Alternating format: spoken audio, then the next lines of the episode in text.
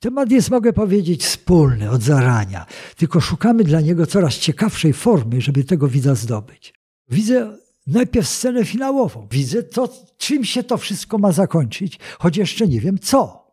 Ale widzę tak silny ten obraz, że on po prostu każe mi teraz zacząć od zera, jak odkręcać ten kłębek, żeby się dowiedzieć, co było powodem, że ja ten obraz zobaczyłem. To jest sposób wibracji życia człowieka i myśli, tak bym powiedział. Bo słowo wibracja jest mi tu najbliższe.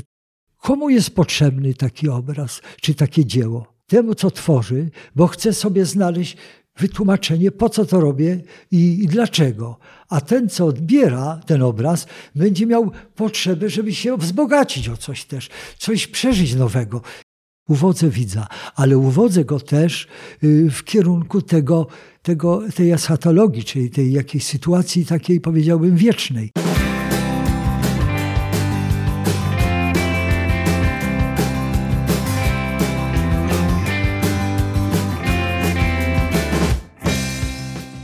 Ty tu tworzysz to podcast o odkrywaniu i rozwijaniu kreatywności w różnych dziedzinach życia. Usłyszysz w nim rozmowy z twórczymi osobowościami, poznasz ich drogę, motywacje i metody. A na koniec otrzymasz praktyczne porady do zastosowania od zaraz. Słuchaj, jeśli chcesz doskonalić swoje kreatywne zdolności, rozwijać siebie i budować lepszą rzeczywistość. Ja nazywam się Robert Pranagal i zapraszam Cię we wspólną podróż.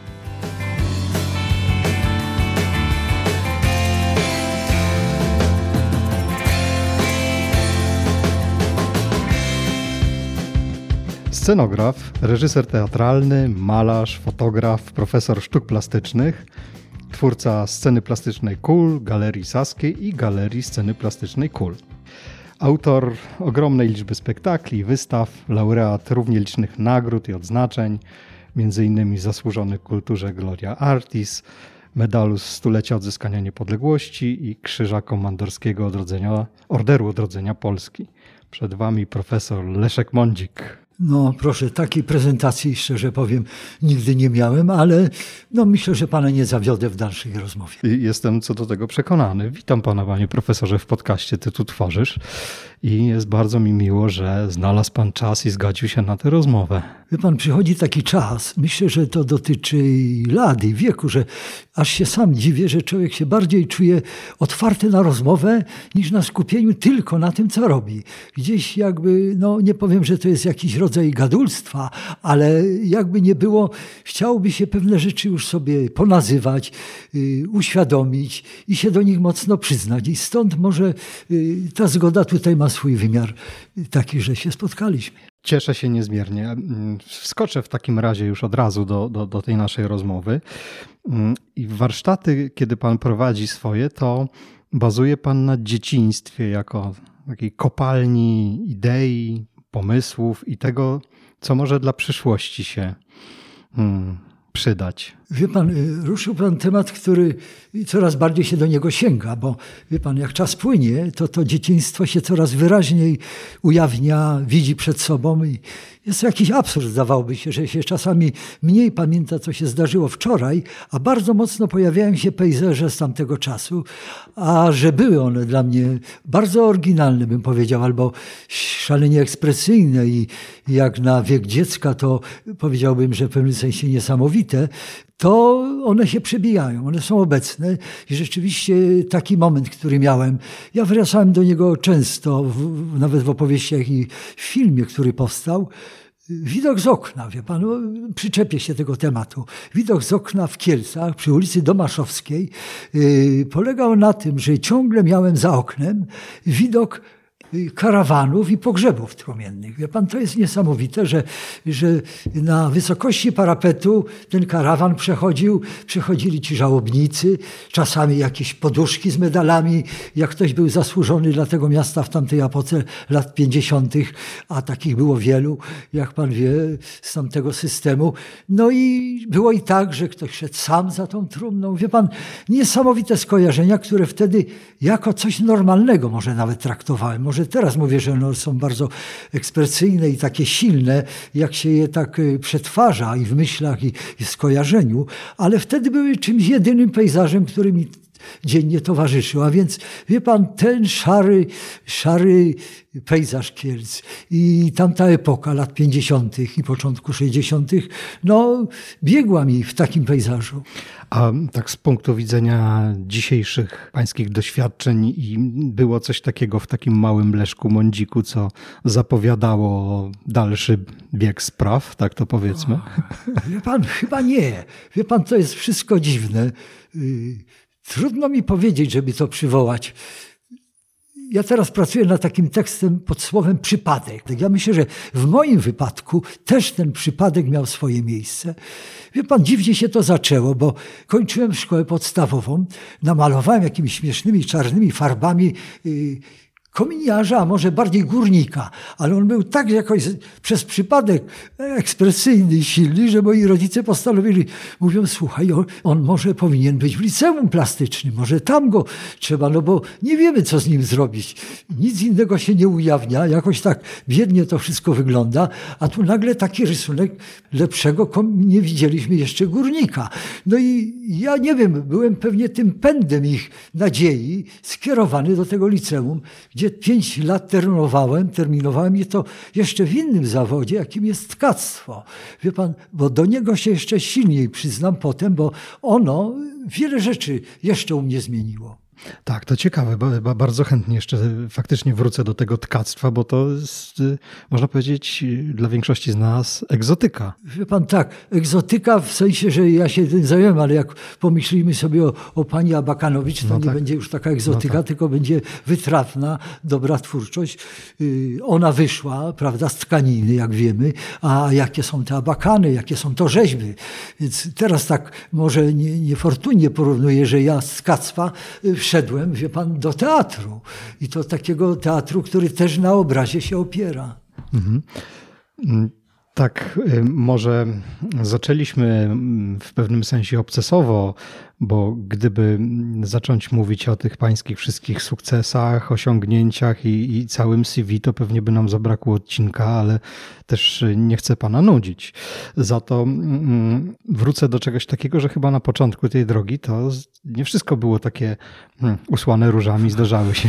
Wiem, porażki. do czego pan zmierza, bo rzeczywiście kolejnym etapem y, w takiej przygodzie mojej w życiu i uprawianiu zawodu była tęsknota, kiedy już to liceum kończyłem. I zotkactwo było dla mnie jednak bardzo pasjonujące wtedy, naprawdę. I to y, no, pragnęło się dalej gdzieś terminować i być na innej uczelni wyższej, jakim są Akademie Sztuk Pięknych. I tutaj rzeczywiście powiem panu cios, którego się nie mogę rozstać do dzisiaj. Szczerze powiem, jakiś taki wlokę sobie z sobą kłopot i nawet w momencie, kiedy wykładam w takiej akademii jak Akademia Amsterdamska, czy też Hochschule Kunst w Berlinie, no jeździłem po świecie i, i w Ameryce, to nagle jak siadam w spotkaniu z młodzieżą, i poczuje zapach terpentyny charakterystyczny dla, tych, y, dla tego klimatu malarstwa uprawianego tam, jak ja zdawałem do akademii, to po prostu y, przechodzą mnie ciarki. Mianowicie żadna z tych uczelni, do których chciałem się dostać, w jednym roku Warszawa, w drugim roku Akademia Poznań, w trzecim Kraków. Żadna mnie nie chciała. Wie pan, to, to był jakiś dla mnie cios wielki. Wie pan, jak to jest? Kończy się egzaminy w czerwcu, i są wakacje zaraz potem. A ja tych wakacji psychicznie nie mam, ponieważ była to przegrana jakaś moja w życiu, bardzo wielka. I, i cóż, no i zdawałoby się, że, że co robić dalej. No to kolejne podejście. I ciągle te wakacje nie miały tego uroku, kiedy jeździłem do moich dziadków i kiedy miałem ten zapach trawy, koszenia, snopków zboża, no w ogóle wiejskiego klimatu i dźwięków, które tam wśród zwierząt się domowych pojawiały. Ja nagle nie miałem tej frajdy przeżywania tego. A więc wie pan, później, kiedy mówię, już zdarzyło mi się być na tych uczelniach gdzieś indziej, a finałem w ogóle tego wszystkiego było, że uczelnia, która mnie najpierw nie przyjęła, po pewnym czasie dała mi tytuł profesora. Wie pan, to już jest ironia losu, ale jak, jak to, to mówią, Szajna, karma wraca. Szajna powiedział, wie pan, że może dobrze, że się nie dostałeś na te studia, ale to nie wiadomo, wie pan. No właśnie. To jest ten przypadek. Mhm, tak, te porażki takie pierwsze rzeczywiście to się pamięta. A teraz się zdarzają? Wie pan, to zaczymy, zależy w co w jaki depniemy, w jaki temat. Ja myślę, gdy tak idąc tym śladem y, artystycznego mojego y, istnienia i bycia, myślę, że jestem sam. To nie jest kokieteria. Też zaskoczony, jak się to cudownie rozwinęło.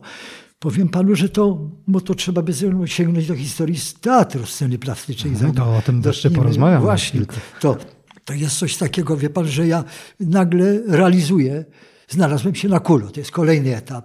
Studiuję historię sztuki. Przynajmniej mam zamiar studować, a, a przy okazji też y, jest coś takiego, że y, znalazłem się w teatrze. I tu znowu kolejny przypadek. Wie pan, jak ja się do, znalazłem w teatrze, zanim się znalazłem, to na Kulu pokazałem na prawie wszystkich piętrach swoje obrazy, swoje malarstwo, swoje projekty tkanin, żeby wiedzieli, że tu przyszedł malarz, a nie teoretyk sztuki. Mhm. Pokazałem te obrazy zawisły i co się okazuje, gościnnie na Kulu realizuje Wandę Norwida, pani Irena Byrska. To znane nazwisko wśród koneserów sztuki. Irena Byrska zobaczyła moje malarstwo i powiedziała pamiętne słowa, które można by uznać za motto tego, co robię do dzisiaj. Znajdźcie mi tego człowieka.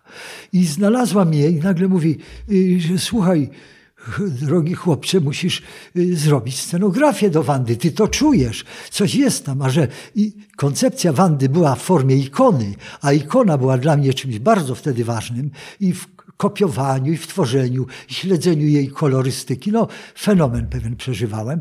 To, no, po, pomyślała, że to dobre zderzenie mojego malarstwa z jej wizją reżyserską. I tu się pojawiła e, moja scenografia w sztuce Wandy Norwida i zaraz potem, na wiośnie teatralnej, ja dostaję nagrodę. Wie pan, nie do końca świadom nawet, że ja będę w teatrze jeszcze. Czy to nie jest przypadek ta jedna sztuka? Potem się, widzę, pojawiła kolejna praca, która była związana z obecnością e, w reżyserii e, Mieczysława Kotlarczyka, wielkiego przyjaciela Wojtyły. Razem robili teatr rapsodyczny. I teraz to druga osoba, która mnie wciąga jakby do teatru i, i ja pracuję z nią. No tak, ale ja się pytam o porażki, a pan mi tu o kolejnych sukcesach. No wie pan co? No. A wie pan, rzeczywiście oddaliłem się, bo porażką były, nie no, mówiliśmy o tych moich tak. kłopotach, tylko pan sięgałby dalej, czy mnie nie spotkały. Ja myślę, że, że no nie powiedzieć, że się jest dzieckiem szczęścia, to jest takie banalne, i, i, ale ja uważam, że los dla mnie do dzisiaj był szczęśliwy i te kłopoty, które chce Pan wyłuskać yy, we mnie, to śladowe były. Nie na tyle, żeby je rozwijać w temacie teraz. Znaczy ja bardziej próbuję dotrzeć do czegoś takiego, że y, to w jaki sposób my te porażki traktujemy, jak one się nam przydarzają, jak to sobie z nimi poradzić, żeby przekuć je w coś dobrego?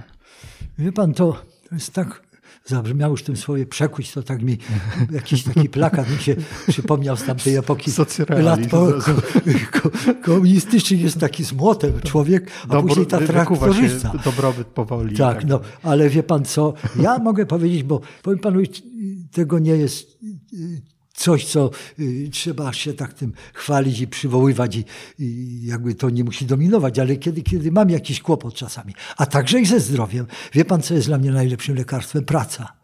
Powiem panu, że w takim momencie, i to przekuwanie jest w momencie, myślę, że ostatnich moich y, lat, nawet zupełnie ostatniego roku, kiedy ja zdawałoby się, że powinienem sobie dać radę odpocząć i się skupić na tym, na mojej kondycji, na zdrowiu.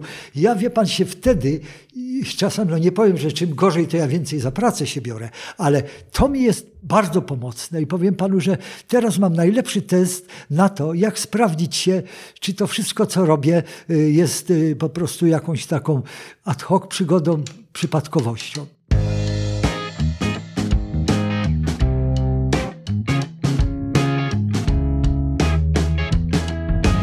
Jak się próbowałem z panem mówić y, wcześniej, to padło takie, że muszę się wytrącić. Używa pan takiego słowa, wytrącić się.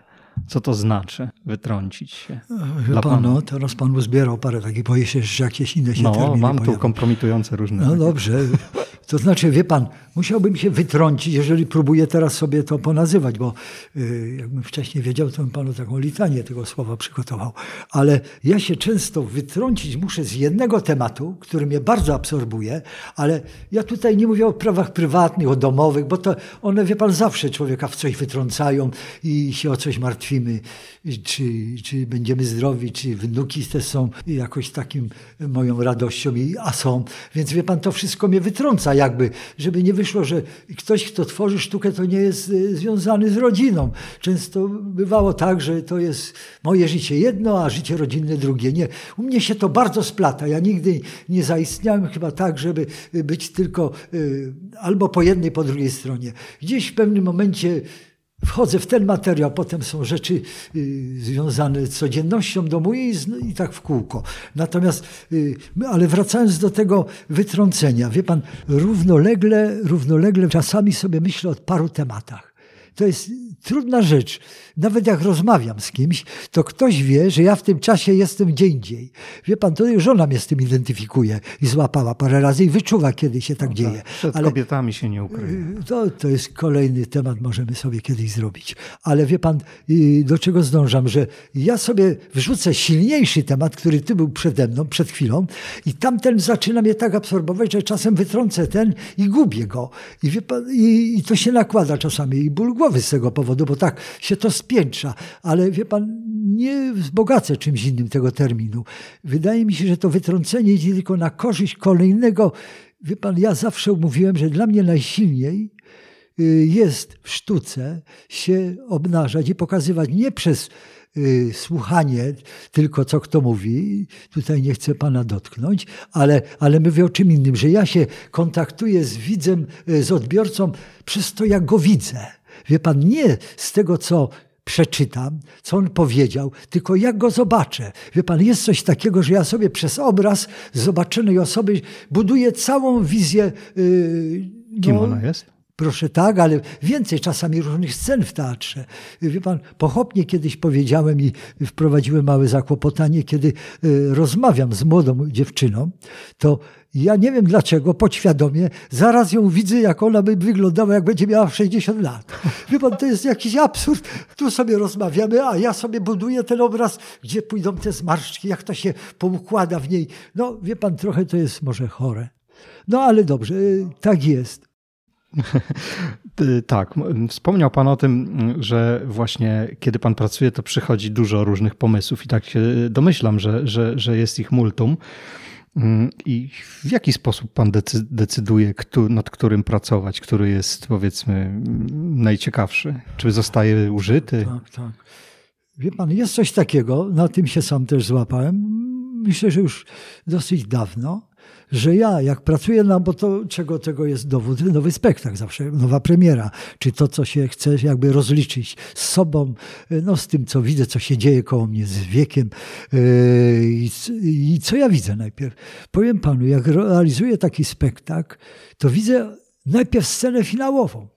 Powiem, wie pan panu, widzę to, czym się to wszystko ma zakończyć, choć jeszcze nie wiem co ale widzę tak silny ten obraz, że on po prostu każe mi teraz zacząć od zera, jak odkręcać ten kłębek, żeby się dowiedzieć, co było powodem, że ja ten obraz zobaczyłem.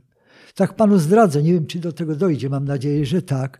Y, zostałem teraz zaproszony do realizacji Szekspira Burzy. O, fantastycznie. I to ma być we wrześniu ostatnią premierą przed remontem. Pięć lat będzie potem już ten teatr wyłączony, po tym spektaklu. Będzie jego nowa widownia i tak dalej. Czyli może sobie pan pozwolić na różne. Pozwalam sobie na różne, ale też mam tylko już na razie finał, wie pan. Zobaczyłem finał tego, tej burzy i teraz no, to nie znaczy, że dzisiaj przerwę rozmowę i będę o tym myślał, bo już taki nie jest źle, że ja się wyłączę zupełnie z Panem. Ale mam trochę na to czasu, bo to jest we wrześniu przyszłego roku, więc jakby, wie Pan, to jest metoda. A co się na to składa? Ja nigdy nie piszę scenariuszy, żadnych. Wie pan, te scenariusze, jak sobie kiedyś przeczytałem, były tak banalne i tak śmieszne, że się po prostu krępowałem nawet sam czytać przed sobą. Nie mówiąc, że yy, no jest coś takiego, że scenariusz u mnie nie, to jest budowanie z tego, co sobie zbieram w myślach i te pejzaże i zbieram te rekwizyty, obiekty, ludzi, rzeczy. Wie pan, i z tego potem na planie buduję spektakl, ale a wiem, że to już idzie w pewnym kierunku, który sobie już zdecydowałem jaki ma być, jaki ma być klimat tego spektaklu. Y, dlaczego ma być silna taka ekspresja na koniec? Bo ją trzeba, wie pan, rodzić metr po metrze, kusić widza, zdobywać go. Wie pan, i to, y, no to jest jakby metoda pracy u mnie. Aha, ale tak z punktu widzenia powiedzmy akademickiego, to, to, to jak w ogóle można teatr bez scenariusza robić? Wie pan, no to nie znaczy, że ja y, zapomnę o czym myślę. Tylko jeżeli już coś robię, wie pan, to sobie piszę hasła wywoławcze, jeden wyraz, a ja wiem, co się za tym kryje, a jest w pewnym momencie już trzeba zrobić kolejność tych haseł. Więc z tego się bierze y, wytrącenie tej obawy, którą pan ma, jak można. Y, myślę, że można. Wie pan, dla kogo pisałem scenariusze bardzo śmieszne i ciekawe i, i niesamowite. Kiedyś w latach 60., 70. i 80. dla cenzury. Oni musieli mieć scenariusz. No pan, tak. Ja kiedyś mówiłem do zespole kogoś, słuchaj, napisz, jak ci się to z czym to kojarzy i będziemy to maszyną wystukamy i damy cenzorowi. No i wie pan, jakoś to poza jednym wypadkiem, Ecce Homo, gdzie cenzura zatrzymała spektakl i tytuł, y, no to no tak, jakoś motyw, to przechodziło. Motyw ukrzyżowania no, wie pan, nie był bo wtedy... tytuł sztuki był tak. życie ukrzyżowane, a, tak. a wtedy nic nie mogło być ukrzyżowane, wie pan. Tak. No i wie pan, zmiana ten tytułu to jedyny ich pozytyw tej cenzury był taki, że tytuł, który w końcu zaakceptowali, mi bardzo też odpowiada. To było Ecce Homo. I wie pan, bo to jest tak uniwersalne słowo i, i tak pasujące prawie do wszystkich spektakli, choć one miały różne tytuły potem, że wie pan, no, spektakl był pół roku zatrzymany, była interwencja posłów, znaku y, przez naszego profesora Sawickiego, przez panią profesor Sławińską, interweniowali, żeby tą sztukę puścić. No i w końcu po tych zmianach, które zabiegali, niewielkich, to doszło do tej realizacji. Ciekawostką było to, mam do dzisiaj program, zażądali od nas, zażądali, żeby y, y, program posiadał wkładkę, jak interpretować Aha. każdą scenę. Wie pan, co to jest śmieszne? Żeby widz nie miał okazji sobie odejść na bok po swojemu. Wie pan, ja te wkładki kasowałem potem. No, zginęły gdzieś. Y, gdzieś zginęły. No, to było też związane z sytuacją kulu w tamtym czasie. Wie pan, kul nie miał takie, jak była jakaś nerwowość między państwem a kościołem, to się odbijało na kulu. Oczywiście. A na kulu się odbijaliśmy i my. Więc wie pan, tutaj były kłopoty z wjazdami, z teatrem za granicę. Choć jakoś walczyliśmy z tymi, to wie pan, ciekawe rzeczy. No to y, kolejny materiał na rozmowę, teatr w tamtej epoce. Mhm. Niemniej to... jednak, y, wie pan, byliśmy, tworzyliśmy, byliśmy obecni. Mhm. Ale to ciekawe, bo przecież dla kogoś, kto mm, chociaż trochę y, czytał Ewangelię, to oto człowiek jednoznacznie kojarzy się. No tak, ale wie pan, no... Widocznie oni nie czytali. Nie, no oni nie czytali, ale wie pan, tam to było gorsze, ukrzyżowanie. Mhm. Wtedy to znaczy, że jakąś presję na naród chcemy, nie daj Boże, wywołać.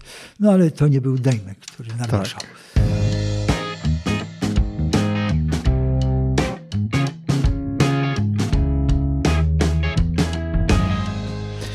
Wspominał Pan o tym dzisiaj już, y, kiedy rozmawialiśmy, o tym przypadku, o roli przypadku. Ale też kiedyś powiedział Pan, że nie wierzy w rolę przypadku. Wie Pan, to ciekawe, bo trudno nie wierzyć, to znaczy nie ma przypadku, ale nie w naszych wymiarach. Aha. czyli tych wyższych. Tak mi się wydaje, wie pan, w tym znaczeniu, że gdzieś, i tutaj dotykamy w pewnym sensie sakrum, gdzieś ta opatrzność jest nad człowiekiem. I w to też wierzę. I tego też mi nikt nie zabierze, że, że ten mój los się tak potoczył, y, mogę powiedzieć, generalnie w tym, co robię w sztuce, bardzo szczęśliwie. I, I jakby zbliżyłem się też osobiście do tych tematów, które wokół sakrów y, mhm. krążą i są obecne. Tak. No właśnie.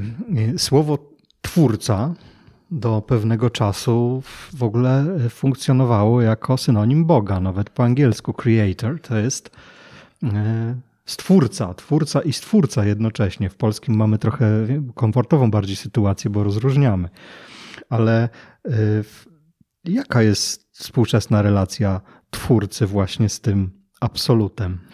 Chyba no, trzeba zejść trochę niżej, bo to słowo przerzucanie na kogokolwiek na tym padole byłoby bardzo niebezpieczne i, i, prawie, że mógłbym powiedzieć, że takie prowokacyjne. Takie motto małe przywołam. Y, otwieraliśmy teraz wystawę bardzo ciekawą, której twórca, bardzo nowoczesnym, współczesnym, polecam obejrzenie, y, czytania sakrum w malarstwie, w ogóle w sztuce nie, no, nieteatralnej. I kiedy podchodzi do niego kobieta, na wernisażu do tego artysty jakieś dwa tygodnie temu i pyta się, proszę pana, gdzie tu jest to sakrum? A on do niej tak ciekawie odpowiedział, jak pani, w pani w tego sakrum nie ma, to pani go tu nie znajdzie. To mi się tak ten tekst podobał, wie pan, krótki, lapidarny, jak motto, ale Coś w tym jest, wie pan. To jest bardzo y, osobista sprawa, ale ważna. Nie uważam, że, y, że trzeba y, no, gdzieś ją zostawić na boku. Niemniej jednak y, no, na tyle ważna, że nie czuję takiej potrzeby, żebym ją. Ja nie chcę epatować, wie pan, sakrum y, w swoim teatrze, ale chciałbym, żeby można o tym pomyśleć. ale sobie... to sakrum jest ważne. Nie, przecież. ja mówię w pańskiej Ja bym nie chciał epatować mhm. nim, ale chciałbym, żeby było bardzo obecne i jest obecne, tak sądzę, ale, ale żeby ono było tylko w przeczuciu i w potrzebie i tęsknotą. Ale nie zawsze trafię na takiego widza, który powie, ja już, ja już jestem nasączony tym, ja już tę wiarę mam w sobie, ja takiego myślenia nie potrzebuję, albo tylko się upewniam, że to jest to. Więc y, poszedłbym y, takim kierunkiem. W naszej rozmowie na początku odezwałem się w kontekście, że uwodzę widza, ale uwodzę go też y, w kierunku tego, tego, tej eschatologii, czyli tej jakiejś sytuacji takiej, powiedziałbym, wiecznej. Co nie znaczy, i tutaj panu odbijam od razu w drugą stronę, że są też sytuacje, które mnie bardzo intrygują, bardzo y, gdzieś mnie kuszą, dotyczy, dotyczą kobiety, erogenności, biologii. I, I, to jest, wie pan, też jakaś sfera ludzka. Ja nie jestem takim ortodoksem, że tylko codziennie sobie posypuję popiołem głowę. No domyślam się. Nie śmiałbym twierdzić, że tak no, jest. No wie pan, i takie przypadki są, wie pan, dzisiejszych. Tak. Ale zdefiniujmy to sakrum. A, zdefiniować sakrum, wie no, pan, to, no to jakiegoś teologa myśli, pan powinien Nie, zaprosić. ale tak myślę, dla, pan, jak pan je rozumie. Jest to potrzeba istnienia i odpowiedzi, żeby nie wpaść w panikę w momencie, kiedy odchodzimy z tego świata.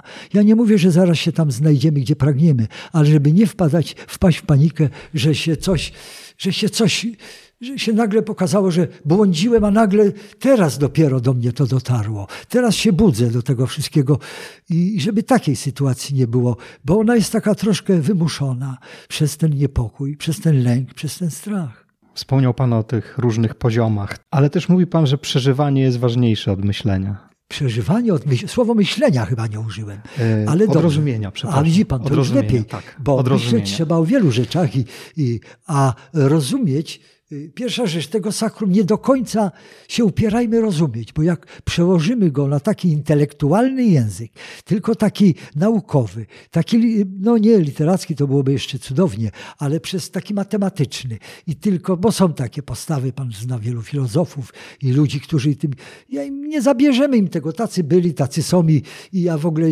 jakoś tylko mogę powiedzieć, że każdy jest jakiś, prawda, ale nie będę presji wywierał na takie osoby, żeby się coś zmieniało w nich. Natomiast, y, no, wie pan, zostawiłbym tylko taką tą sytuację. Mhm. No bo to, to jest tak jakby trochę takie rozróżnienie serce czy rozum, nie? Wie pan, Ale jest i dusza przecież. I oko, prawda, męco i oko, co silnie mówi do mhm. mnie. Mickiewicza ten cytat. Y, co jest silniejsze? Rozum. Nie wiem, no Tutaj mnie pan tak teraz postawił, jakbym wiedział, to bym parę książek wyjął. Ja tu nie chcę wychodzić na takiego, co stoi na mównicy. Wie pan, tą duszę to y, tam zakomponujmy ją, y, wtopmy w ten rozdział, kiedy mówiłem o przeżywaniu sakrum mhm. i jakie ono jest. Wie pan, to tych przykładów Wie pan, ja zawsze się boję tego, jak ono jest bardzo zewnętrzne, jak ono jest tylko takie, y, no nie wiem, boję się, że, wie pan, czasami jest osoba, która pozornie by się zdawało, że nie ma w sobie tej wiary, a czuje, że albo jest nasączona, albo jest na dobrej drodze, że ona ją znajdzie, bo, bo ma taką potrzebę. To jest, wie pan, taki magnes. Albo się w to wejdzie, albo nie. Ja wchodzę, ale też z kłopotami. To nie jest tak, że ja, wie pan, widzę, że się tu do końca odnalazłem. To jest troszkę tak jak z tym horyzontem, wie pan, który gonimy, a on się oddala. Ale wie pan, ale go chcę gonić. Ja nie chcę innej drogi znaleźć, tylko ten, tylko ciągle, wie pan, jak to y, ktoś powiedział, no jakbyśmy wszystko już do końca wiedzieli, to tutaj byśmy tylko się całe życie, niektórzy tylko byłyby pieśni, modlitwy, nic więcej. I, cały I kadzidła. tak. No tak, no to wszystko, co to, no, to jest ten obrzęd. Ja mam, na przykład powiem panu, bo jak pan użył tego słowa kadzidło, mam słabość y, taką estetyczną nie tylko. Była jakaś prawda w tej, wie pan, w tym sakrum, które jest podczas mszy, podczas nieszporów, podczas majowych świąt. Wie pan, ja to nie żartujmy sobie z tego. Wydaje mi się, że to no jak ktoś nie wejdzie, to nie wejdzie w ten świat, ale ja, ja pamiętam, jak z moją babcią chodziłem y, na te majowe święta, jak do dziś pamiętam te pieśni i, i wcale nie znaczy, że ja teraz jestem jakimś y, dewotem, prawda? Y, wie pan, no po prostu gdzieś to jest człowiekowi też było potrzebne w tej porze wieku, jaki miał. Teraz gdzieś to dziecko się zabiera gdzie indziej, co innego i wie pan, już by krok był, żeby ruszyć temat, jak dzisiaj się świat toczy. Ale to ja pana nie prowokuję, pan ma swój scenariusz scenariusz. tak, no, według scenariusza to e, podrążę taki temat właśnie, czy artysta jest e, bardziej przekaźnikiem, czy tworzy z poziomu swojego ego? Nie zgubiłbym to ego, bo już tak się wyprzeć, mm -hmm. że nie no ma właśnie, w sobie tak. takiej potrzeby, żeby z kimś się spotkać, skonfrontować, co się robi. To wie pan, jest u mnie duża potrzeba. Naprawdę yy, czuję taką, no nie powiem misję, ale yy, no w końcu nie po to się robi teatr, a nie po to się maluje obraz, żeby się na niemu przyglądać codziennie i nikt więcej nie zobaczył tego. Ja wierzę w co, wie pan, kiedyś była taka sesja, w niej brałem udział yy, w Muzeum Kieleckim. Yy, komu jest potrzebny taki obraz, czy takie dzieło? Obu stronom temu, co tworzy, bo chce sobie znaleźć wytłumaczenie, po co to robię i, i, dlaczego. A ten, co odbiera ten obraz, będzie miał potrzebę, żeby się wzbogacić o coś też, coś przeżyć nowego. Jak się to uda y, złączyć, y, jeden organizm, jeden organizm, to mamy wtedy y, no to, co potrzebujemy w sztuce. I to pojęcie egoizmu gdzieś y, po prostu zginie.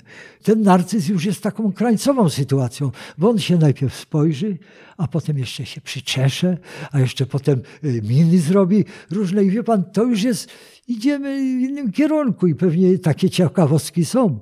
Ja nie będę panu podawał nazwisk.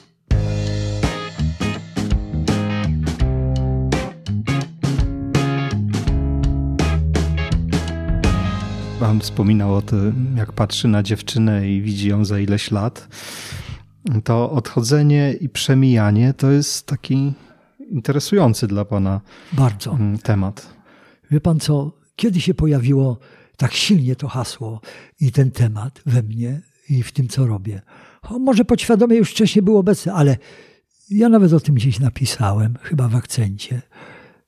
Idę w Japonii, w Tokio ulicą i widzę przed sobą idącą bardzo zgrabną postać, młodą. Czuję się, że chud ma taki lekki i po prostu y, wszystko pracuje tam. I biodra, i mięśnie, i ruch ciała, i, i włosy. To wszystko razem wzięte. Wie pan, no po prostu jakoś trudno obojętnie na to mhm. nie spojrzeć. Co ja robię? Wyprzedzam tą osobę, wyprzedzam tą jeszcze w cudzysłowie powiem dziewczynę i co widzę? Widzę bardzo zniszczoną, starą twarz. Wie pan, jaki to szok jest? Kiedy tu jest tak, troska u niej była, żeby to wszystko jak najdłużej było młode, ale ta twarz już była pomarszczona, była stara. To był szok. Taki przykład daje skrajny czegoś, co y, może będzie odpowiedzią na pana pytanie, że ja jednak to przemijanie, ten proces odchodzenia, to, że ta rozmowa też będzie miała swój koniec y, przecież niedługo, nie dlatego, żebym chciał ją kończyć, ale że ona w czasie y, też nie będzie wieczna. Więc jakby każe mi wierzyć, że to się zaczyna i kończy. Nieprzypadkowo, wie pan, w pierwszym spektaklu, którzy mi przywołali, Ecce Homo, kobieta schodząca po schodach z niemowlęciem, z dzieckiem, które się urodziło. W czym ono jest? Nie w kolebce, tylko jest w trumience. Ta kolebka jest trumienką, czyli jest zapowiedzią odchodzenia. Zapowiedzią tego, co się zdarzy kiedyś, na końcu. A po drodze cała przygoda w życiu. To, co będzie, jak mówiliśmy wcześniej, przypadkiem, co będzie losem, co będzie szczęśliwością, a co będzie i dramatem. Ale, ale to jest ta optyka. Ktoś mi podpowiedział, że takie trzy fazy mamy życiu. Jedna, kiedy jesteśmy jeszcze w łonie i tam jest cudownie, tam jest beztrosko, tam jest no, błogostan. Druga jest trudniejsza, która jest już jak się, jak poczujemy chłód, jak wyjdziemy stamtąd, już ktoś się będzie o nas martwił, już jest niepokój, prawda? I rodziców, i tego dziecka jest, pojawia się pojęcie płaczu, prawda? I trzeci rozdział, kiedy się zbliża koniec, jaki on będzie?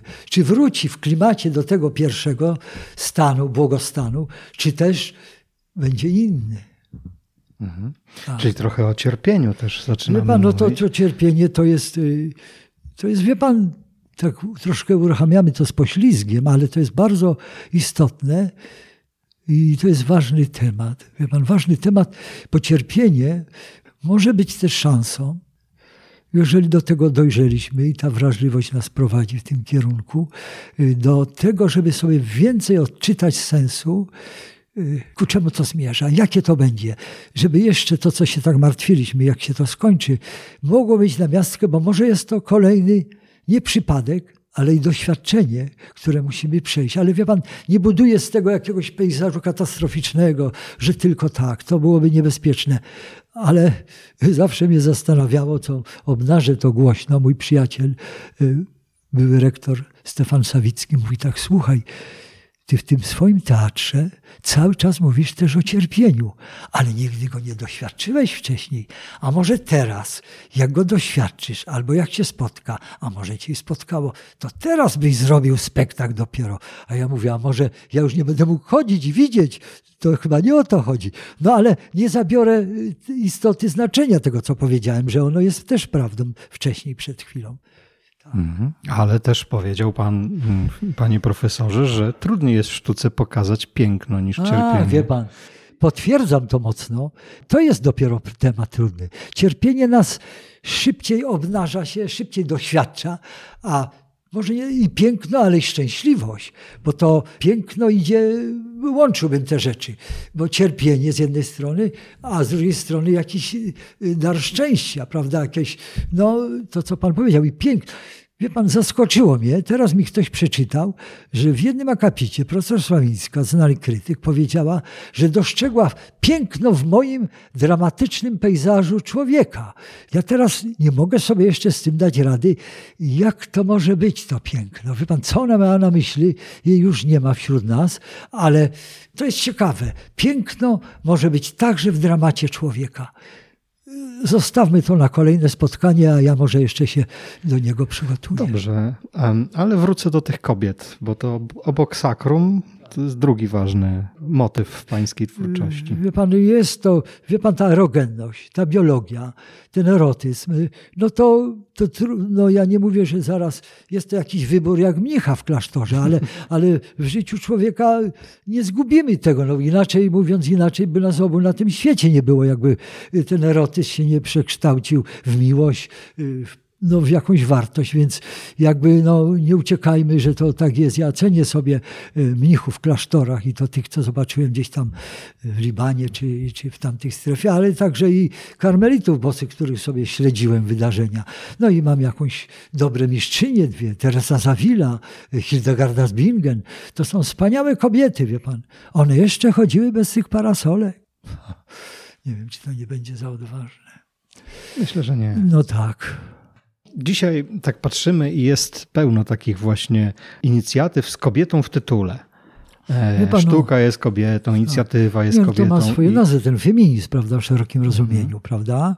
To też to jest bardzo złożony temat. Ja, to jest dla mnie taka głęboka wartość. To nieprzypadkowo Nowosielski powiedział, że świątynia i Kościół to jest tak jak kobieta. Teraz tym sobie też trzeba dać radę, ale za tym się kryje piękność i coś bardzo wartościowego i w przeżyciu erogennym i biologicznym, ale i pewnej kapitału i wartości kobiety. Ja nie wiem, czy ja nawet aż tak głęboko w to wszedłem i czy ja jestem godny aż tak o tym mówić. Ale, no mówi pan, ale, że, ale że ma, ma, pan kobiecą intuicję. A wie pan, a to jest jeszcze, jeszcze jeden temat, pan, że pan wytrącił jakiś fragment z kolejnego mojego y, wypowiedzi, bo kolejnej wypowiedzi. Y, tak, kobieca, ale to tak wie pan jako hasło wywoławcze, bo to potwierdza y, o pewnej wartości też kobiety, że, że tam się coś więcej kryje takiego, wie pan, no ja się nie poddam temu blichtowi dekoracyjności kobiety, tej, tej kobiety Barbie. Nie podoba mi się tej urodzie, tylko która ma nas zdobyć za samej urody. Jak tam się coś nie... Fajnego, ja nie mówię, że zaraz relacja i miłości, i związku, i małżeństwa, tylko czegoś, co przeczuwam, że, że to jest wartość kobiety. Ona w sobie ma ten kapitał. I, i to jest cudowne, że łączy w sobie te dwie, dwie wartości. To, to jest wspaniałe. Tak taka tajemnica trochę Wie też. Pan, ależ do końca. Ja zawsze uważam, to może głośno powiem, że nigdy akt erotyczny nie powinien się zdarzyć przy Jupiterach i halogenach, bo po prostu nie ma tajemnicy. A wie pan, bo to ważnego tematu dotyczył nie tylko tej relacji z kobietą, ale i teatru.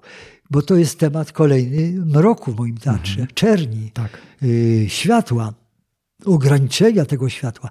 Wie pan, na czym to polega? To dotyczy obu sytuacji i związanej relacji z kobietą i z widzem. Jeżeli ja 100% obnażę obraz, który mam pokazać, plastycznie, oświecę, czyli prześwietlę go, i też ta sytuacja się zdarzy w jakiś sposób prześwietlona e, w relacji tej intymnej e, z kobietą, to, to wydaje mi się, że zgubimy pewną bardzo fajną rzecz tajemnicę i ciekawość. Wie pan, wyobraźnia nasza potrafi wtedy, jak ją uruchomimy, iść dalej niż ta rzeczywistość, którą mamy w tym momencie i w tym spektaklu, i z tą kobietą. No bo nie ma światła bez ciemności. No tak, I nie ma światła, odwrotnie. to jest jakby, jak to Czy... Królikiewicz powiedział, to jest źródło, to jest kopalnia. W ogóle światło jest tym no, wie pan, jak nie ma w ogóle, bo już teraz nie róbmy tak, że ja robię teatr, jak to ktoś powiedział, a tam u Mądzika to nic nie widać, albo że w ogóle tam jest tak ciemno, że ja nie wiem, w której stronie widownia jest. No, ale to jest taki, powiedzmy, trochę żart. Niemniej jednak y, byłbym za tym, żeby y, no, wiedzieć, gdzie ja sam prowadzę światła. Może w paru przypadkach kiedy wiem, kto dobrze to czuje, oddaję prowadzenie świateł komuś, ale, ale to jest ten smaczek. Jak obraz malujemy, to ja maluję światłem na ekranie, jakim jest scena. I to jest to. I maluję przed widzem. Przed widzem maluję ten obraz, a ja go czuję za plecami tego widza. Wie pan, że bywa tak nieraz, że ja czuję, że tej widowni dzisiaj trzeba coś więcej pokazać, bo, bo i dojrzeliśmy do tego. I ona, żeby to zrobić, a ta widownia, że może jeszcze dostać jeden moment więcej, ale nie za dużo. No to jest ten ciekawy temat światła.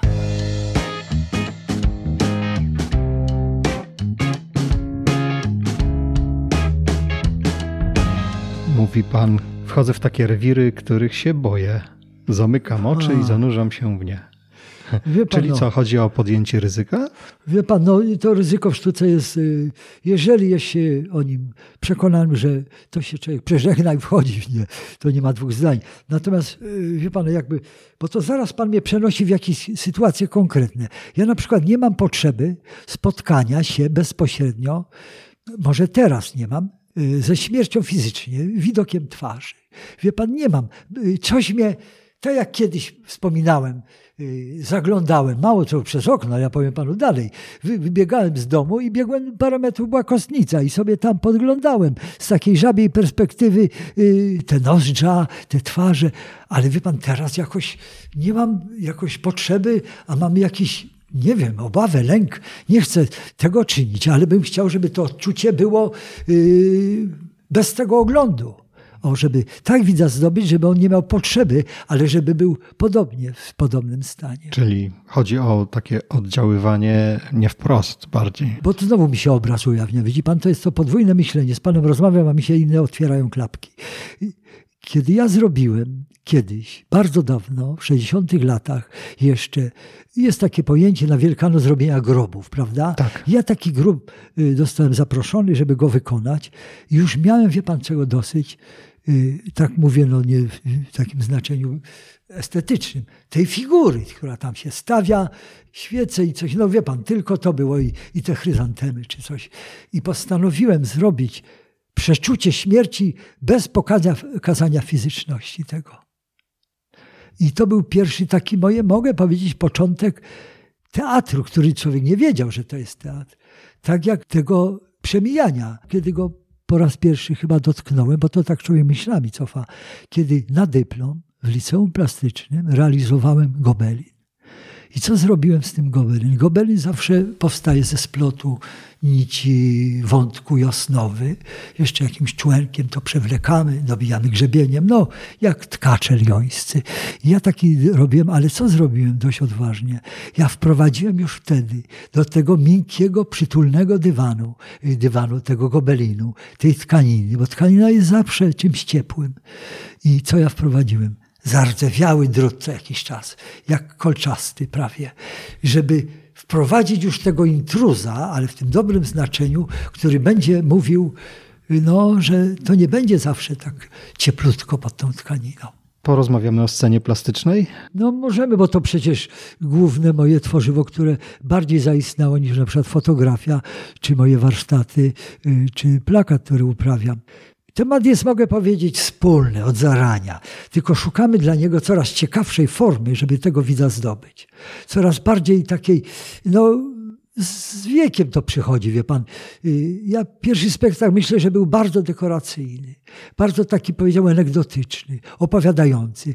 I teraz patrzę na niego, czasami przyspieszam obejrzenia tego zdjęcia nawet, żeby się temu nie przyglądać za bardzo, bo, bo jakoś no, coś innego teraz robię. On był bardzo kolorowy, wie pan. Y, nie wiem skąd się to wziął, może jeszcze wpływ tej ikony u mnie, y, może tej Wandy Norwida, ale był bardzo, jak się spojrzy na zdjęcia, taki no, sugestywny powiedziałbym, jak to jeszcze można powiedzieć, fowistyczny w tym kolorze. Ale potem się to zaczęło zmieniać. Ja gubiłem anegdotę i znowu wracamy do tego, żeby, tak jak mówię o tym y, wspomnianym grobie, że, że chciałem, żeby te spektakle miały coś mniej dosłownego, a bardziej do przemyślenia, nawet jak wyjdziemy ze spektaklu. Czy może do odczucia nawet? Nie no do... to koniecznie do odczucia, przeżycia. Nie wiem, co tam jeszcze są, jakie terminy sprzyjające temu określeniu bycia, no nie powiem w ekstazie, bo to już wie pan, musiałbym być jakimś mistykiem, a nie, nie, nie takie mam e, założenia i nie takie, no by to było pocieszne i nawet, ale jest coś takiego, że chciałem po prostu w dalszej części zgubić to opowiadanie i szukać języka, ale języka bezsłownego. No właśnie, bo pewnie mało takich ludzi jest, ale są tacy ludzie, którzy nie znają y, teatru sceny plastycznej. Pan, to, no jest, to większość musi to być jest... taki, ponieważ ten teatr jest zawsze y, kameralny. To nie jest teatr, ja pójdę do wielkiej opery czy na stadion i zrobimy widowisko. Wie pan, to jest teatr, który by zniszczony był, jakbyśmy z takim tłumem się spotkali. Ja zawsze się bałem takich plenerowych działań, a nawet tych, które ostatnio robiłem na Mozartianie, że one są z otwartą widownią. Widownia, która siedzi bokiem na krześlu, Czasami ktoś tam coś przyniesie, powie drugiemu, przesączy coś, nie daj Boże. I wie pan, już jest w innym temacie, więc ja muszę mieć to przeczucie, że ja mam tą widownię z sobą, tak, mhm. że oni są ze mną tego wieczoru, a ciemność pomaga temu, bo w ciemności się tak troszkę skupiamy bardziej, wytrącamy się z rozmów przed spektaklem. No i wie pan, co jest dla mnie ważne. Pierwsze spektakle podpierałem się gotową muzyką zapożyczoną, a później, z racji, że to jest jedyna rzecz, której nie umie robić, a szkoda, bo wtedy miał wszystko w rękach, jest muzyka, jest komponowanie muzyki. I tutaj Cieszę się znowu w sumie, że na koniec bardzo dobrze. Poznałem najwybitniejszych polskich kompozytorów, z którymi pracowałem. Taki panteon mogę powiedzieć, bo to i Radwan, mhm. i Konieczny, i Stańko, i Ostaszewski, i Gintrowski. No i wie pan, i pewnie jeszcze mi paru umknęło, ale, ale bardzo ważny, Jan Kanty Pawliszkiewicz. No po prostu ich przeczucie muzyki wzbogaciło, a nawet odważę się powiedzieć, że ten spektakl byłby biedny albo w ogóle nie mógł istnieć, jeżeli by nie miał muzyki. Może nie mieć słów, może nie mieć aktora, ale ten, jak ja nazwałem sobie, muzyka jest pewnym, yy, powiedziałbym, organizmem wewnętrznym, jest pewnym rytmem. W teatrze, jest jakąś płaszczyzną, czymś bardzo ważnym. I tu jest, co jest istotne, że trafiłem na osoby, które czują to, bo to też może być ktoś wybitny, a nie mogę się z nim znaleźć, a jest to duże nazwisko. Jeżeli mi się z kimś jeszcze nie udało, ale było na dobrej drodze, tylko on już chyba nie miał i zdrowia, a może jeszcze były inne motywacje, to był Górecki. Ale Mikołaj. Mikołaj. Mhm. Ale też powiedział pan, że dzisiaj by już takiego teatru nie zrobił. Teraz y, sięgamy do rzeczywistości dzisiejszej. Może nie tyle ja bym, tylko nie miałbym już może takiego zespołu. Inna mentalność było młodego człowieka, jak jeszcze był wtedy w latach 60., 70., 80., a nawet na początku 90. Y, studiował nie wiem, na Kulu, w Polsce, wszędzie. On po prostu dzisiaj, on po prostu ciężko jest, do, żeby z niego, no nie wiem, oczarować, zdobyć, skusić do tego, żebyśmy coś zrobili, żeby chciał wejść w temat, którym ja wychodzę. Bo to wie pan, jak jest w moim teatrze, ja muszę zaszczepić kogoś. Ja mam świadomość, że on nie musi jeszcze w tej chwili wejść, bo on jest o wiele młodszy, ale musi mi zawierzyć.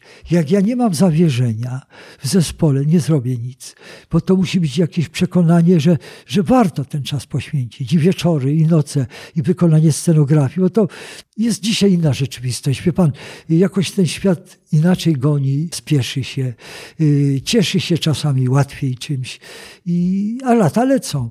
No i teraz pan, tak sobie żartujemy z tego średniowiecza i zawsze się często mówi, o jakie to prymitywne wszystko było, ale było tam dużo też mądrości, wie pan, na tych uniwersytetach, y, w tych osobach. Wie pan, to niekoniecznie jest tak, jakby się chciało. A zdawałoby się, że dzisiaj żeśmy otworzyli jakiś nowy rozdział. Ależ widzimy świat jeszcze piękniejszy.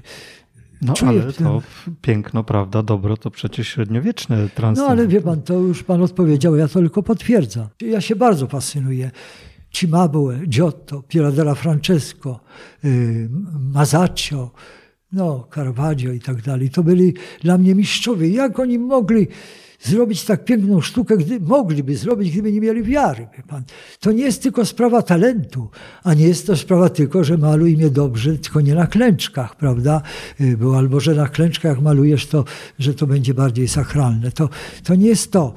Inna epoka, żyjemy teraz, mamy inny sprzęt do rozmowy i tak dalej. Wspominał Pan o tym i ja mam właśnie taką refleksję, że dzisiaj często artysty nie obchodzi odbiorca w ogóle, a dla pana to jest kluczowe no, chyba. Wie pan, ten... Ruszę pan tematy, które jeszcze daje radę o nich mówić, ale dzisiaj twórca chce zaszokować. On chce szybko zdobyć widza.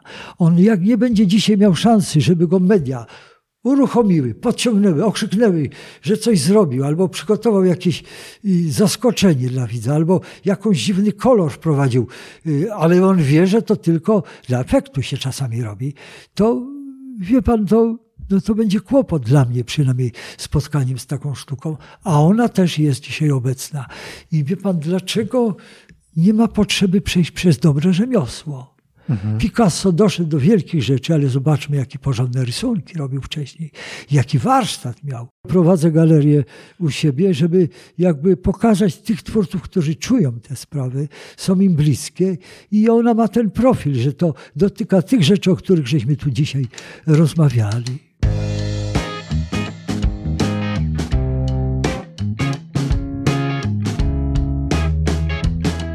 Powiedział pan, że marzą się panu spektakle, na których ludzie nie biją braw. To, to marzą, ale wie pan dlaczego? No to jest bardzo oczywiste. Czy pan jak przeżywa bardzo y, silnie jakieś przeżycie, wydaje mi się, że niemożność bicia braw to jest ten paraliż, który chce wywołać w widzach, które on by nie miał odwagi wyrazić nawet tej wdzięczności. To jest ten trans. Czy się trochę rozumiemy? Znaczy chodzi o coś takiego, żeby on y, wszedł w taki, żeby on w taki... w mhm. takim stanie. Ja nie wiem, czy to mi się udało, wie pan, ale marzę. Dwa razy tak było. Raz w Japonii i raz chyba w Dreźnie. Kiedy nagle, wie pan, co się dzieje, mówię. Za kurtyny zaglądam, nieruchome wszystko się dzieje, zatrzymane w kadrze. I wie pan, że ja już tej ciszy nie mogłem wytrzymać. Już była trochę za długo i co robię, bo już to i na mnie zadziałało, miało mieć inny skutek. Wziąłem jakąś dechę na scenie i walnąłem. I wie pan, od tego, od tej sekundy, że już pojawił się pierwszy dźwięk, który usprawiedliwi, że ja się odezwę, mhm. bo już był ktoś drugi, trzeci, czwarty, to już się zaczęło kłębić po japońsku. Mhm, tak. No, wróćmy do tej fotografii, o której rozmawialiśmy tam w pańskiej pracowni. To bywa scenariuszem moich spektakli. Próbuję to wytłumaczyć. Otóż, co ja fotografuję, wie pan? Pierwsza rzecz, ja w fotografii nie robię zabiegów montażu, kolażu, nic. Ja jak wie pan jeżdżę z teatrem, to sobie zawsze muszę znaleźć czas, żeby wyjść i zobaczyć, co w danym kraju lub co w pejzażu mnie zaintryguje. Jakiś szczegół, nic totalnego, nie jakiś panorama, jak pocztówki się robi. Tylko dam dla przykładu. Jestem w Meksyku, zespół montuje spektakl, a ja sobie chodzę. I, I wie pan, wyszedłem sobie, patrzę, idę taką linią muru, dość długiego, tak idę, idę i nagle uchylona brama.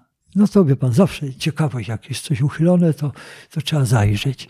Zaglądam tam, a tam widzę zachód słońca, pierwsza rzecz, y, który pięknie pracował po takich alejkach tego, okazuje się, parku i szpitala.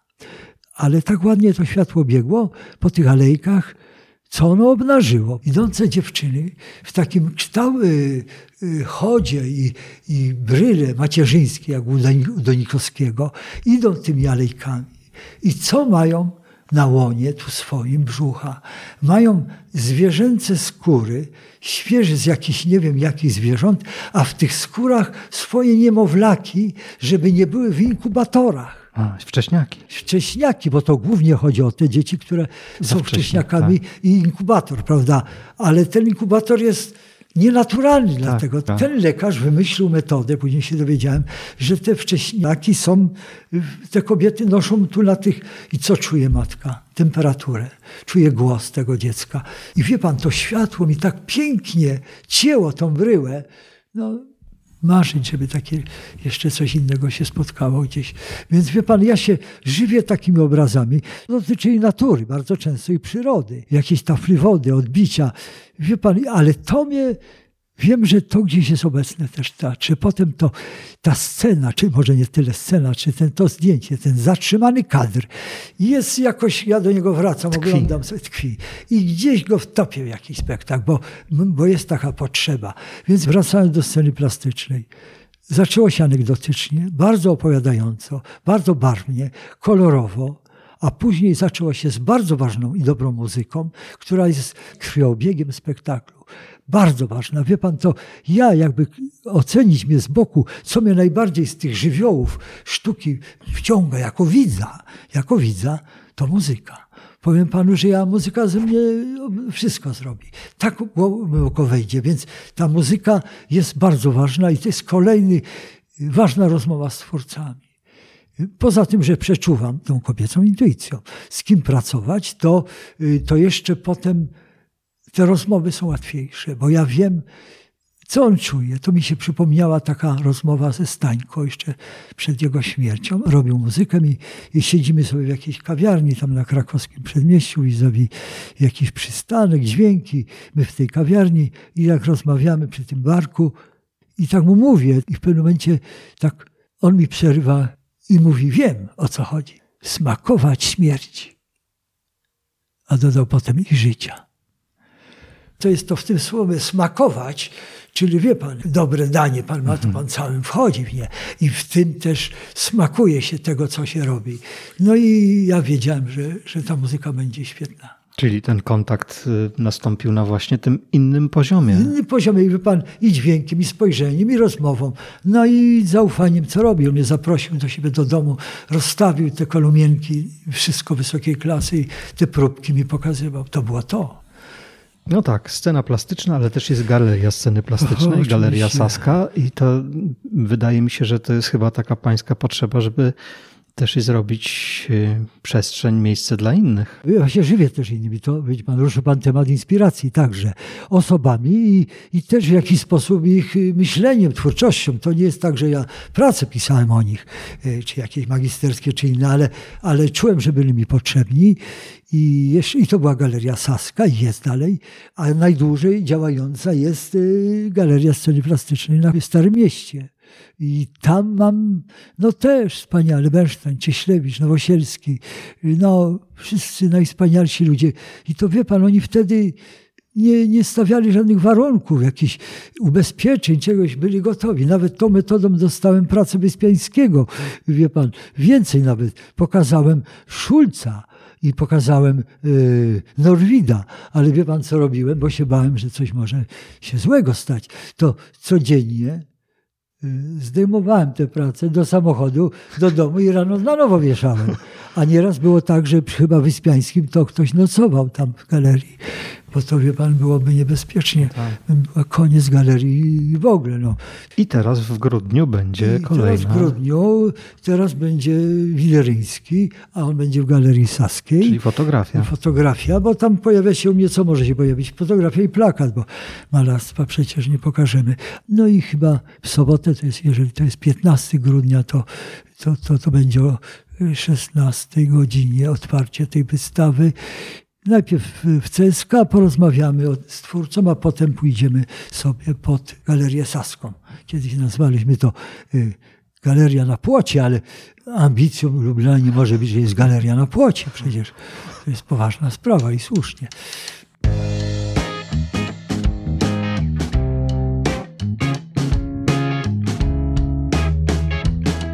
A osobiste plany na przyszłość? Ambicje? A, pan, Bo pan, mówił pan, że pan teraz więcej pracuje tak, niż kiedykolwiek. Pan, to jest troszkę wcześniej. przespałe zakłócenia czasami, jakie mam z moją kondycją, ale wie pan, żyję planami. Ja lubię żyć, co się jeszcze zdarzy. Tego długo może nie być, jeszcze pół roku, miesiąc, dwa, trzy, ale wiem, że to mnie czeka. Najbliżej czeka mnie, wie pan, y, duże przedsięwzięcie, wielka, w słowie wielka, przestrzennie też wielka, wystawa w Centrum Scenografii wszystkiego, co zrobiłem do tej pory od 1967 roku w teatrze. Ale nie tylko, i w fotografii, i w plakacie. To tam pokażę, no po prostu co tylko wyrząd się da z tego, co robiłem. Wystawa powoli jest już przygotowana, choć otwarcie będzie dopiero w czerwcu, ale to chcę wskrzesić pewne fragmenty spektakli. Chcę ożywić to muzyką żywą. No i no, żeby to jeszcze tak pełniej zabrzmiało, może też dlatego, że ta wystawa, jak nigdy dotąd się dowiedziałem, ma być cały rok. Wie pan, nikt się wtedy nie wytłumaczy, że nie wiedział kiedy i, i czy zdąży ją obejrzeć, więc wiem, że będzie od czerwca tego przyszłego roku do czerwca następnego roku. W ogóle nie porozmawialiśmy w końcu o, tym, o tych scenografiach, ale trudno Wie pan już, o scenografia. To już może, może nie chcę, naduży, ale, nie chcę pan, nadużywać. Jak, ale jak pan powie co, to może jeszcze się ożywię. No. Chodzi mi o to, że generalnie scenografia tak trochę po macoszemu jest traktowana. To A, jest przecież specjalna dobrze, dziedzina. W to, wie pan jeszcze. Mianowicie, dlaczego powstał Festiwal Scenografii w Lublinie? Ponieważ uważam, że tak ważną częścią jest obraz przed tekstem, przed aktorem, a na, może nie, ale i przed muzyką bym powiedział. Obraz jest czymś zasadniczym, a, a dowodem jest tego scena plastyczna, prawda? Bo z tego się rodzi. I pomyślałem sobie, dlaczego nie docenić tych twórców, którzy realizują takie scenografie w Polsce, bardzo ważnych, bardzo znanych i bardzo dobrych, mają muzycy festiwal Muzyka w Teatrze, aktorzy festiwal y, Aktor w Teatrze, czy monodramie i tak dalej. A tutaj nagle nie ma i tutaj tą lukę wypełniłem. I festiwal od tych paru lat jest i wierzę, wierzę że będzie dalej. I oby tak było. A więc y, to jest też takie moje dziecko, jak jeszcze jedno, które nie przywołaliśmy tutaj, ale dla mnie istotne, y, galeria sztuki sakralnej w Polsce. Jest to jedyna taka galeria, nie mówię o tych lokalnych w seminariach. I tam zgromadziłem, jeżdżąc przez pięć lat z przyczepką, dzieła największych twórców i rzeźby, i tutaj i Rząsy, i, no i było i Beresia. Wszystkich pozwoziłem i tam to muzeum jest. I dla mnie to jest takie kolejne dziecko, do którego się mocno przyznaję. Ja się boję, że tylko za dużo robiłem. Ale głównie robiłem teatr swój, wie pan, i dlatego może to tym usprawiedliwie. Mhm. Dobrze, to już na koniec, żeby tak? pięć szybkich pytań. Y, Bardzo Wolno szybko. będę odpowiadał, pan szybko je zada. Dobrze. Mm, panie profesorze, w pańskiej własnej definicji, co to jest kreatywność? Kreatywność to, to jest sposób wibracji życia człowieka i myśli, tak bym powiedział. Bo słowo wibracja jest mi tu najbliższe. Takie, to jest taka temperatura, yy, to jest taka gorączka. Energia. Yy, pan, energia. Yy, to są, wie pan, taki paralizator czasami dziwny. No, znalazłby parę ciekawych określeń, ale musi nam to starczyć. Dobrze. A jedna rzecz, która sprzyja kreatywności u pana?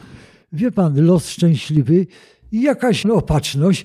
I myślę, że coś musiałem mieć takiego, że ta estetyka tego typu się wyzwoliła. Niespodzianka totalna. Ja sam nie wiedziałem. Myślałem, że zostanę z tą tkaniną. Bardzo marzyłem i wtedy widziałem się z pracownia, wielki żakard tkacki. Ja siedzę tutaj, projekty obok, obok dwa psy koło mnie. I ja tak sobie jak średniowieczny, renesansowy twórca czynię tą powinność wobec tkaniny. Ale to iluzja, wszystko się rozmyło, poszło inaczej. Ale piesek jest. A jest i to y, bardzo się lubimy, powiem więcej. Y, jeden morderca kreatywności. Y, kto kasuje nam to? No, co nam, co nam Wie pan, no, nam też kasuje, bo szybko każe nam wpadać w nerwowość. Wie pan, za szybko i, i się podniecać za szybko. Wie pan, to jest coś, co y, żywi mi się też współczesnością i czasem, który płynie. I ona nas tak nakręca ku temu, że dlaczego ja mam nie zaistnieć, dlaczego mnie tam ma nie być. I teraz co zrobić, żeby to szybko zaistniało. A jeszcze jak znajdę krytyka, który napisze, że paru zemdlało na wernisażu, to już będzie super. No to tylko tyle. No tak. A jeden sposób na wykorzystanie kreatywności w życiu codziennym mieć trzeba tego świadomość, że, że to jest wielka szansa, że to jest jakaś dar i wtedy nie trzeba się oszczędzać. A jedna rzecz, jaką słuchacze mogą robić, żeby rozwijać swoją kreatywność od dzisiaj? No, zajrzeć do siebie, wie pan, w środek i, i wtedy tam dużo się odkryje. Czyli co? Gdzie można śledzić? No to, y, Scena plastyczna? No tak, ale mój pan gdzie nas zobaczyć? No. no tak, bo przerwałem ten temat. Y, wystawa w Katowicach raz. Później y, w sierpniu y, w Domu Długosza w Sandomierzu. Bardzo ważny dla mnie, ważna ekspozycja Sakrum Sztuce. Tą, którą fotografowałem jeżdżąc po różnych kontynentach i po światełku religiach różnych i do tego jeszcze na żywo koncert równolegle prawie y, Anny Marii Jopek y, z tekstami i muzyką Hildegardy z Bingen. I to będzie w sierpniu, a potem, jak dobrze pójdzie, może z Maksymiukiem jeszcze coś ujarzmię, bo zaintrygował mnie teraz. To taki nowy kompozytor dla mnie, bo on istniał od zarania, tylko ja go dopiero z mojej winy późno odkryłem. To y, damy linki w opisie, żeby sobie można było kliknąć i zobaczyć. No, mamy na Facebooku taką grupę skupioną wokół podcastu. Tam będziemy wszystkie udostępniać rzeczy, które pan profesor robi i co Dobrze, się dzieje. no to fajnie. Ja bardzo dziękuję Jeszcze panie będzie, profesorze. Ja też. Ja bardzo zapraszam na tą wystawę do 15 też grudnia w Galerii Sceny Plastycznej. Polecam bardzo obejrzeć. Tobie słuchaczko i słuchaczu dziękuję za wspólnie spędzony czas polub, subskrybuj, komentuj, zajrzyj na tytutworzysz.pl, dołącz do grupy Tytu Tworzysz Społeczność na Facebooku, powiedz o tym podcaście znajomym. Pomożesz naszej społeczności rosnąć, rozwijać się i docierać do osób, które mogłyby skorzystać. Pamiętaj, to Ty tworzysz swoją rzeczywistość. Wszystkiego dobrego i do usłyszenia w następnym odcinku.